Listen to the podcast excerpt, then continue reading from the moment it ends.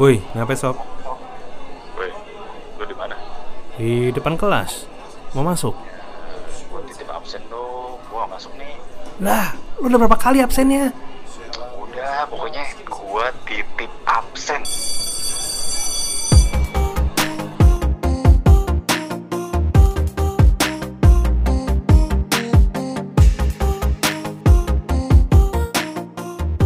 Titip absen podcast.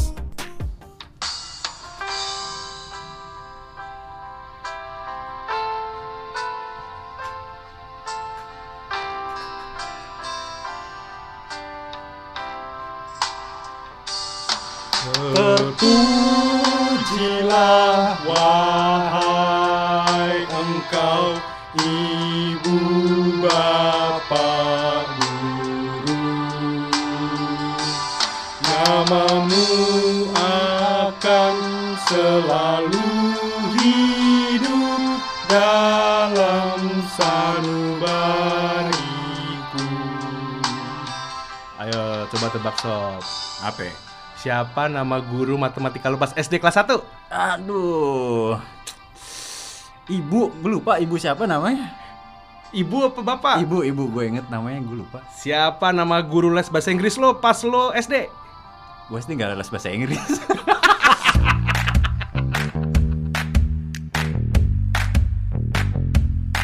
Gue. Sobat Suara muda. kita bagus ya.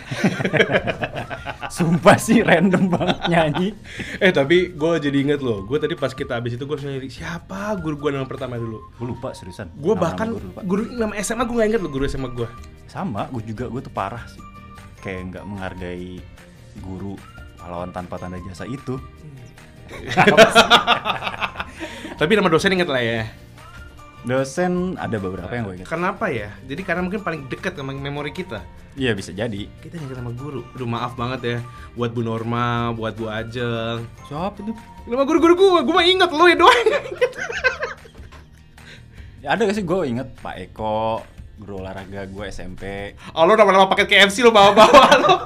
Gue beneran lu parah lu Gue bilangin lu Ah, ya hari ini Hari yang bahagia episode kali ini maksud gue Peter gue ngelesnya kita akan bahas buat muda mengenai profesi yang em, terkadang tuh suka dipandang sebelah mata Karena apalagi untuk eh, zaman-zaman sekarang profesi ini dianggap kayak ah nggak keren. Iya.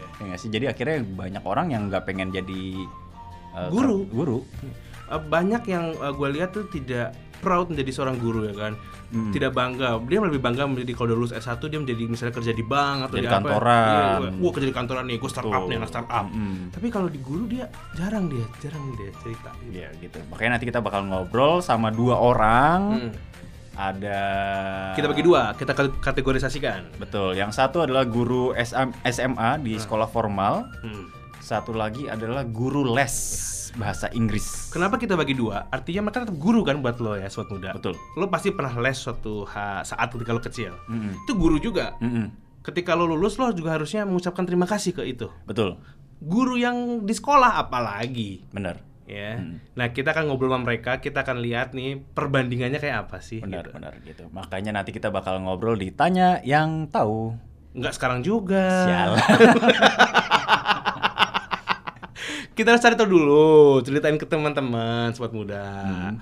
Kalau jadi guru yang formal itu, zaman sekarang itu tantangannya adalah orang tua ikut campur, sob.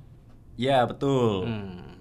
Dan eh, cara handle murid-muridnya pun jadi beda juga gitu. Nggak bisa lo yang model sistem kayak eh, apa keras gitu ya, model sistem kayak Lo kalau keras lo, lo baca berita dong langsung lo keras. Ada guru ini memukul, guru ini menampar. akhirnya di iya gampang sebentar-sebentar dilaporin Viralin. segala macam kayak gitu. Dan itu menurut gua kayak nggak bener gitu. Harusnya lo guru tuh sebenarnya berhak apa ngapain, tapi ya jangan pakai kekerasan juga. Iya. Cuma artinya guru punya apa sih namanya power yang paling utama di kelas. Betul. Ya. Sebenarnya itu ya, gue nggak tahu masih berlaku nggak sih kalau guru itu adalah orang tua selama di sekolah. Nah itu tuh kalimat itu jarang banget gue denger tuh sekarang. Kayaknya sekarang udah kayak ya orang tuanya sekarang pada ngumpul di sekolah ngerumpi ngobrol sama Ah. orang tua orang tua yang lain gitu. Akhirnya jadi wah gitu deh.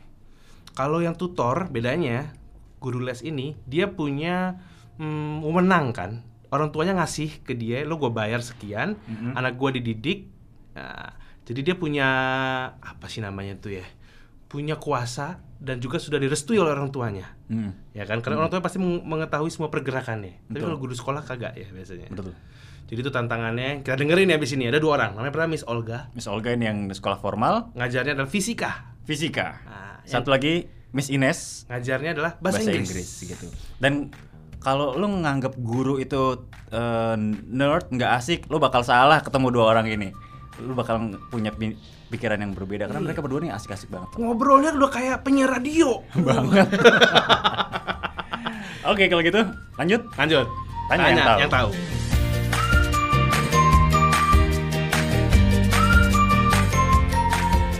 Oke, sobat muda. Sekarang kita udah masuk lagi ke sesi tanya yang tahu, sobat muda. Dan eh, tadi kita udah ngomongin ya, sob ya, betapa Betul. menjadi guru itu adalah em, sebuah Pengorbanan. pengorbanan, pahlawan tanpa tanda jasa. Betul, tapi bener nggak sih di dunia sekarang seorang guru tuh masih pahlawan tanpa tanda jasa? Apa iya gitu? Makanya sekarang kita di line telepon udah ada Ibu guru siapa namanya? Olga. Ibu guru Olga. Halo Bu Olga. Halo, selamat sore teman-teman. Selamat hari Minggu. Lu jangan selamat hari Minggu nih podcast. Ini podcast bisa tayang kapan aja. Oh iya, Aduh. Oke, Bu Olga nih kalau boleh kasih tahu kalau di sekolah dipanggilnya Bu atau Mbak atau Sis? Eh, sekarang Miss ya, Oh, tapi nggak Miss. usah pakai tis ya, nanti jadi mistis. Jadi Miss ya. Nah, Bu Bu Olga, Bu Olga, kita mau nanya nih Bu Olga. Kalau eh, udah berapa lama jadi guru? Ini masuk tahun ke-11 ya pemirsa. Wih, Oh, lama. gila, lama 11 banget. tahun. Tapi kalau boleh tahu Ya, guru ya, apa sih guru? Baru-baru 11 tahun. Ah, ini Bu Olga nih guru SD, SMP, TK, SMA, Atau guru SMA, saya guru SMA kebetulan. SMA. ngajarnya apa nih ngajarnya? Teknik Ngajar mata pembobolan. pelajaran yang kalian suka.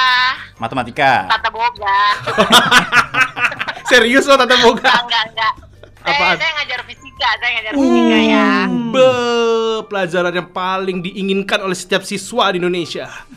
Oh my lord, tolong jangan tiba-tiba muntah ya. Oke, berhubung waktu kita tadi katanya cuma 5 menit nih sama Bu Olga Iya, terbatas nih, terbatas. Kita mau cerita dong. Eh, eh, Bu Olga mau mau Boleh eh, cerita boleh dong. cerita ke kita gitu kan. Sukanya sebagai seorang guru di zaman sekarang tuh seperti apa Ah. gitu. Nanti habis itu dukanya. Betul. Oke gitu. Hmm, sukanya, Sukanya apa? dulu Hmm. ya. Hmm.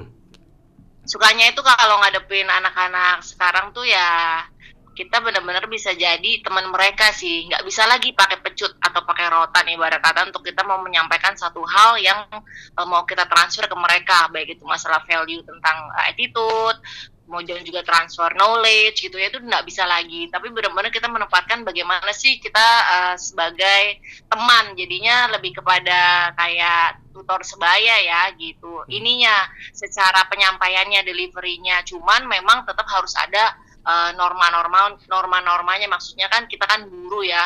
Jadi eh, murid pun tetap harus respect Hmm. harus tetap bahwa positioningnya harus jelas. Oh kamu guru saya saya murid kamu. Seperti itu Hmm, sih. hmm, hmm. Nah, kalau sekelas berapa orang sih? Sekelas berapa anak? sekelas itu sekitar 30 anak Terus ngajar berapa kelas? ngajar ini yang di kelas itu tiga kelas tapi untuk eh, labnya praktikumnya ada tujuh kelas Berarti sekitar Kalau boleh tahu kelasnya ukuran berapa ya?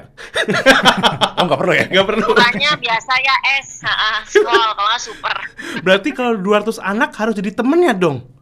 Kan nggak boleh pakai pecut oh tuh. iya Uh, benar banget Hmm. memang harus kita positioningnya tuh harus jelas Apalagi kalau- artinya kita sebagai pendidik Ah, Heeh, karena zaman sekarang bro nggak bisa Iya, anak-anak benar-benar. itu makin kita tekan malah makin kabur mereka. Oke. Tapi kita benar-benar harus heart to heart ya dengerinnya, ngobrolnya, pendekatannya pun ya pendekatan memang secara eh, even saya guru kamu tapi saya bisa juga loh Jadi eh, teman.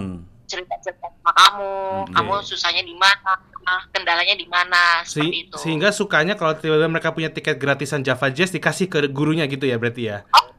banget karena kemarin itu juga ya mereka dapat voucher Hmm? salah satu kul- ke Oh ya? kuliner gitu ya eh Hmm? dikasih juga kita ya Oh, oke. Oke. Nah, kalau cari dana cari, cari dana ntar gue beneran lagi Enggak, enggak, cari enggak, dana, enggak. cari dana gratifikasi ah, betul banget. kamu disogok ya? Kamu disogok ya? Iya. Terus kalau- demi demi nilai fisika tuntas. Dukanya apa sih Dukanya. sebenarnya sih kalau jadi guru tuh? Dukanya, Mm-mm. dukanya lebih kepada kalau misalnya eh, dapat anak-anak yang unik banget ya dalam arti eh, susah untuk mau berubah itu lumayan juga tuh menguras emosi dan eh, perasaan serta jiwa ya. Hmm. Tapi kalau misalnya mereka dapat karakter yang nice, ini tahun ini puji Tuhan banget nih dapat Hmm. karakternya itu nice banget. Jadi dikasih, Hmm. dikasih tahu sekali, mereka langsung bisa gerak. Dikasih tahu sekali, mereka langsung bisa berubah. Diperingatkan gitu. sekali, mereka langsung bisa berubah gitu. Hmm. Tapi kalau ada anak-anak kan yang misalnya satu angkatan tuh kebetulan kan karakternya unik-unik banget tuh, pernah Hmm. tuh dapat Hmm. tuh. Aduh, bener-bener deh. Kalau ketemu udah kayak udah kayak ibarat kata saya sipir penjara ya begitu ngeliat dari dari kaca kan buru buru buru buru buru. Gitu coba ibarat kata atau bolga bolga gitu. Eh bolga bolga bolga gitu kan. Jadi mereka lebih kepada aduh gua ada apaan aja gitu. Karena Ya. mereka memang pribadinya unik-unik. Tapi eh, lepas dari itu kenapa anak-anak bisa punya karakter seperti itu? Pasti karena pengaruh eh, lingkungan atau keluarganya juga sih. Jadi teman-teman kan kita pernah oh saya sih pada waktu itu pernah baca ya jadi jangan salahkan guru dan sekolah Mm-mm. kalau eh, anak itu tidak bisa diatur lah katakanlah ya kasarnya seperti itu tapi Hmm. lihat lagi bagaimana dia punya keluarga bagaimana dia tinggal di lingkungannya seperti Hmm. itu sih jadi tetap sih karakter itu tetap dari komunitas paling kecil yaitu keluarga Hmm. seperti itu Nah, satu pertanyaan terakhir nih, Eh, Miss, Iya. Miss Olga. Kan sekarang eh, kalau gue denger nih, kayaknya zaman sekarang nih orang tua anak tuh kayak banyak intervensi. Bener nggak sih? Lu pernah punya pengalaman kayak gitu nggak sih? Berhubungan Oh, banyak sekali kerempongan-kerempongan sering, dengan orang tua murid kayak gitu. nah itu mungkin mereka yang belum baca tadi itu eh, statement dari bapak menteri kita yang baru ya karena Weh, semuanya oke. itu semuanya tuh diserahkan ke guru Hmm. Pokoknya anak gue, gue kasih cucian kotor. Kalau nggak mau, lu laundry tiga tahun harus jadi bersih, clean, wangi sepanjang masa. Itu kan Hmm. nggak bisa. Mm-mm. Seperti itu. Jadi kita semua tuh berproses. Sebenarnya itu ada ABC-nya. ABC itu misalnya kita tuh guru sebagai bridge-nya, Mm-mm. jembatannya gitu loh. A bisa orang tua, ya kan? Mm-mm. C-nya dia bisa siswanya. Jadi sebenarnya tuh bagaimana guru ini menjam- menjembatani antara keinginan orang tua tuh seperti apa sih dan keinginan anak pun tuh seperti apa. Nah, sekolah inilah yang menjadi tengah-tengah. Jadi sebenarnya kita harus bersinergi antara orang tua dan juga eh, dan juga pihak sekolah ya. Mm-mm. Bersinergi bagaimana kita punya eh, rencana demi masa depan anak-anak. Oke, ini Itu sih ini, kalau- ini ini luar biasa nih. Omongannya kerasa banget jadi guru banget, kerasa banget guru banget ya. Ya iyalah, 11 tahun jadi guru. Saya sebenarnya saya guru gadungan loh pemirsa. Saya guru gadungan loh, guru gadungan bertahun tahun ya. Saya guru asli puluhan tahun. Tapi makasih loh ya Miss Olga buat eh, ngisi ceritanya di episode kali ini ya. Semoga bermanfaat. Jadi kalau besok tiba-tiba ada sobat muda pendengar kita yang ping jadi guru, dia jadi tahu ternyata itu guru tuh ada enaknya ada nggak enaknya juga. Halo. Halo. Ya, terima kasih ya. Oke, thank you deh. Thank Oke ya. you Miss Olga. Oke, dah. Bye. Anyway, eh gue cuma ada, ada ada satu pertanyaan nih, Sob. Lu ngerasa nggak sih ada kecenderungan eh, sekolahan zaman sekarang manggil gurunya Miss? Kenapa sih harus Miss gitu? Karena ke Inggris, Nah, makanya. asal British. Ke Inggris kan, Iya. asal British. Jadi kayak menurut gua nggak harus deh dipanggil Miss, Iya. tetap aja panggil Bu. Gitu. Kadang-kadang tuh nggak cocok, terkadang mukanya gurunya kayak gimana, manggilnya Miss. ya nggak nggak gitu maksudnya. ya kalau memang itu kelas bahasa Inggris gitu Ah, ya, lu manggil setuju gua, Miss setuju. gitu. Tapi ini kan guru wali kelas gitu. Ya, harus lah panggil Miss gitu. Lu terlalu masih- aneh. Terlalu aneh kecuali memang gurunya orang luar, eh lu panggil Miss nggak masalah gitu. Jadi ini si Miss Olga ini tadi, Bu Olga. Hmm. Yang dari si Bolga ini. Kagak. Bukan ya. Dia ini ternyata eh, satu kelas 30 dan dari 7 kelas tadi ya, banyak banget. Hmm, Ini kalau yang sekolah dan tiap, tiap hari seperti itu. Betul. Kita akan coba ngobrol dengan yang eh, bentuknya adalah sekolah Sekolah tapi informal. Kayak ke lemba- lembaga kursus Iya. kayak gitu ya. Oke, kita coba Oke. cari narasumbernya ya. Mudah-mudahan ada ya.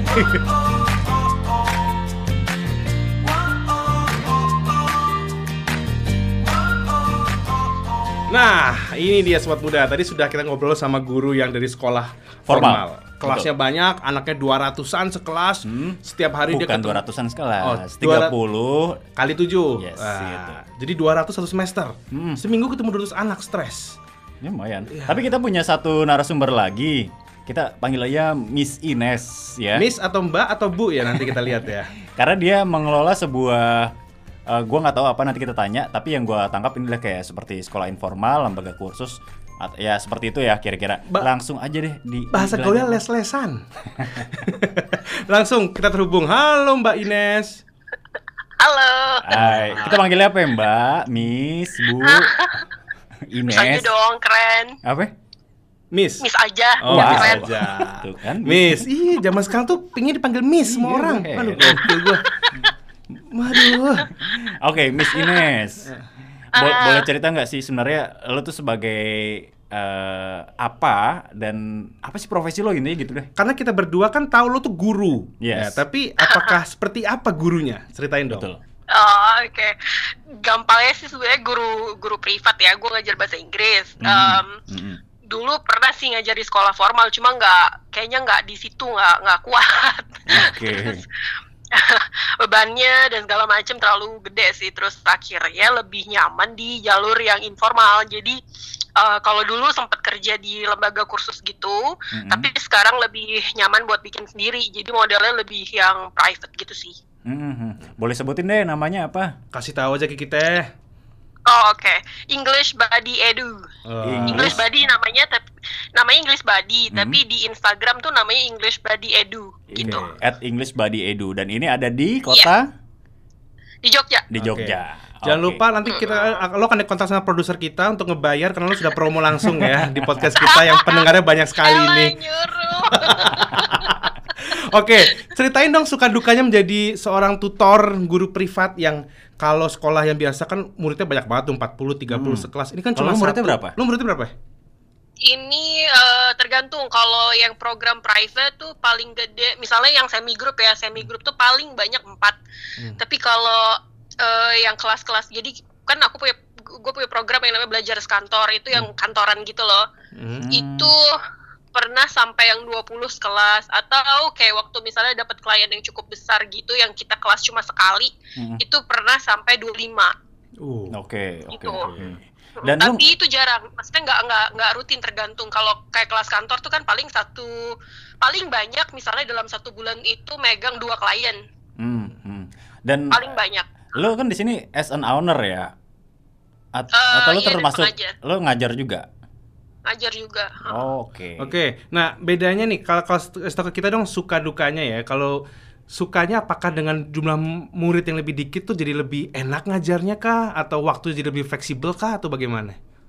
iya benar dua-duanya benar jadi eh, waktunya lebih fleksibel terus karena muridnya lebih sedikit jadi kita approach-nya lebih mud- lebih lebih personal kan jadi dan kita tuh nggak dituntut untuk eh, nggak dituntut sama kurikulum tertentu jadi Oke. eh, Jadi lo punya metode on- sendiri. Ya.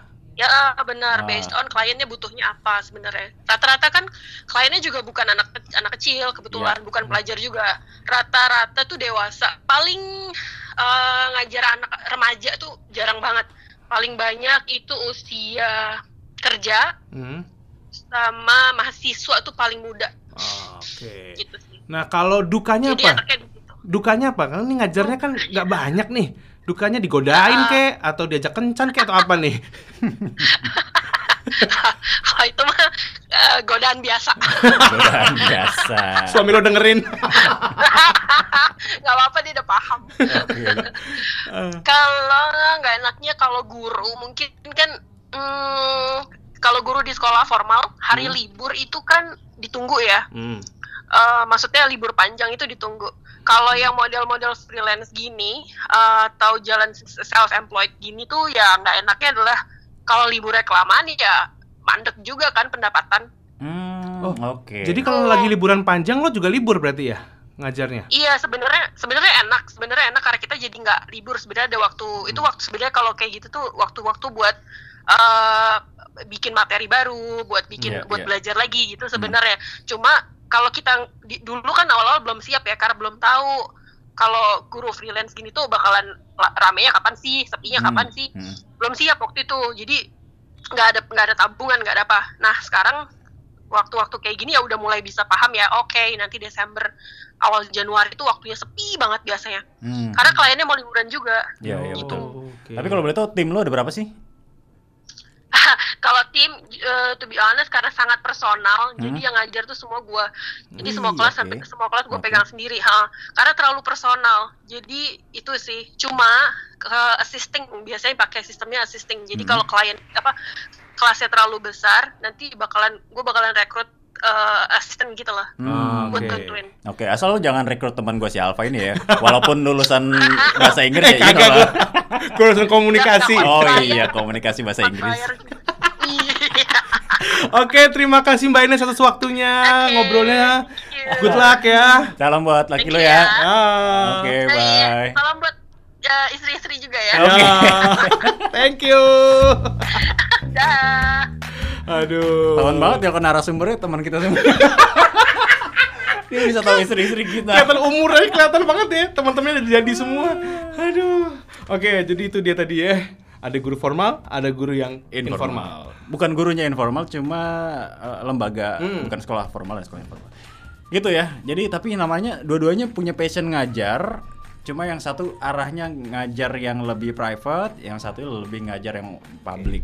Sama-sama ada sukanya, ya kan? Betul. Tapi yang gue suka dari tadi uh, sobat muda lo bisa ngerangkum sendiri lah ya suka dukanya. Artinya sukanya ketemu uh, siswa, ketemu orang yang menyenangkan. Dukanya adalah mereka ada tadi berurusan sama orang tua, yang satu berurusan sama pribadi langsung. Hmm. Tapi yang gue menyenangkan dari mereka semua ngobrol nggak ada yang permasalahan soal duit. Jadi kembali lagi, Ya nggak tahu aja. karena kita nggak nanya tadi ya. Maksud gue kan banyak nih cerita-cerita kalau guru tuh Hmm. duitnya kurang dan sebagainya. Tadi si Miss Olga sempat ngomong duit nggak sih? Dia kayaknya ngomong, iya nih duitnya gue kurang gitu. Enggak ya? Hmm, nggak tahu ya. Gua nggak berani bilang, cuma ya gua nggak tahu sih. Iya. Tapi Mau intinya mereka berdua nggak ngomong duit lah ya. Mereka Hmm. berdua nggak ngomong duit. Berarti guru tuh benar-benar kayak pahlawan tempat ada jasa. Jadi menurut lo itu masih berlaku ya jargon guru sebagai pahlawan tanpa tanda jasa? Ada salah ketentuan berlaku sob. Hmm. Asal dibayar sesuai UMR, gaji termasuk tepat waktu. ya kagak ada juga yang murni. Guru yang paling murni nyokap, ya nggak sih lo? Ah ya betul. Iya kan? Orang tua kita lah pasti. Ya, Oke kalau gitu pamit ya. ya. Kita sudah ngasih tahu ke lo sobat Buddha betapa menyenangkannya, suka dukanya menjadi seorang guru. Semoga yang lo kuliah di keguruan ada kan ya? Ada. Nah, lo tetap berniat menjadi guru. Iya betul. Bebas jadi guru yang eh, formal di sekolah atau guru tutor bebas juga. Betul. Ya, apa pun itu yang penting lo gede pahalanya karena lo bikin ngasih orang ilmu. Yes benar. Nah, itu deh ya. Udah. Kita agak agama dikit ya. Tristan signing off. Alfa pamit. Bye. See ya. Mula Kreasi Koneksi Edukasi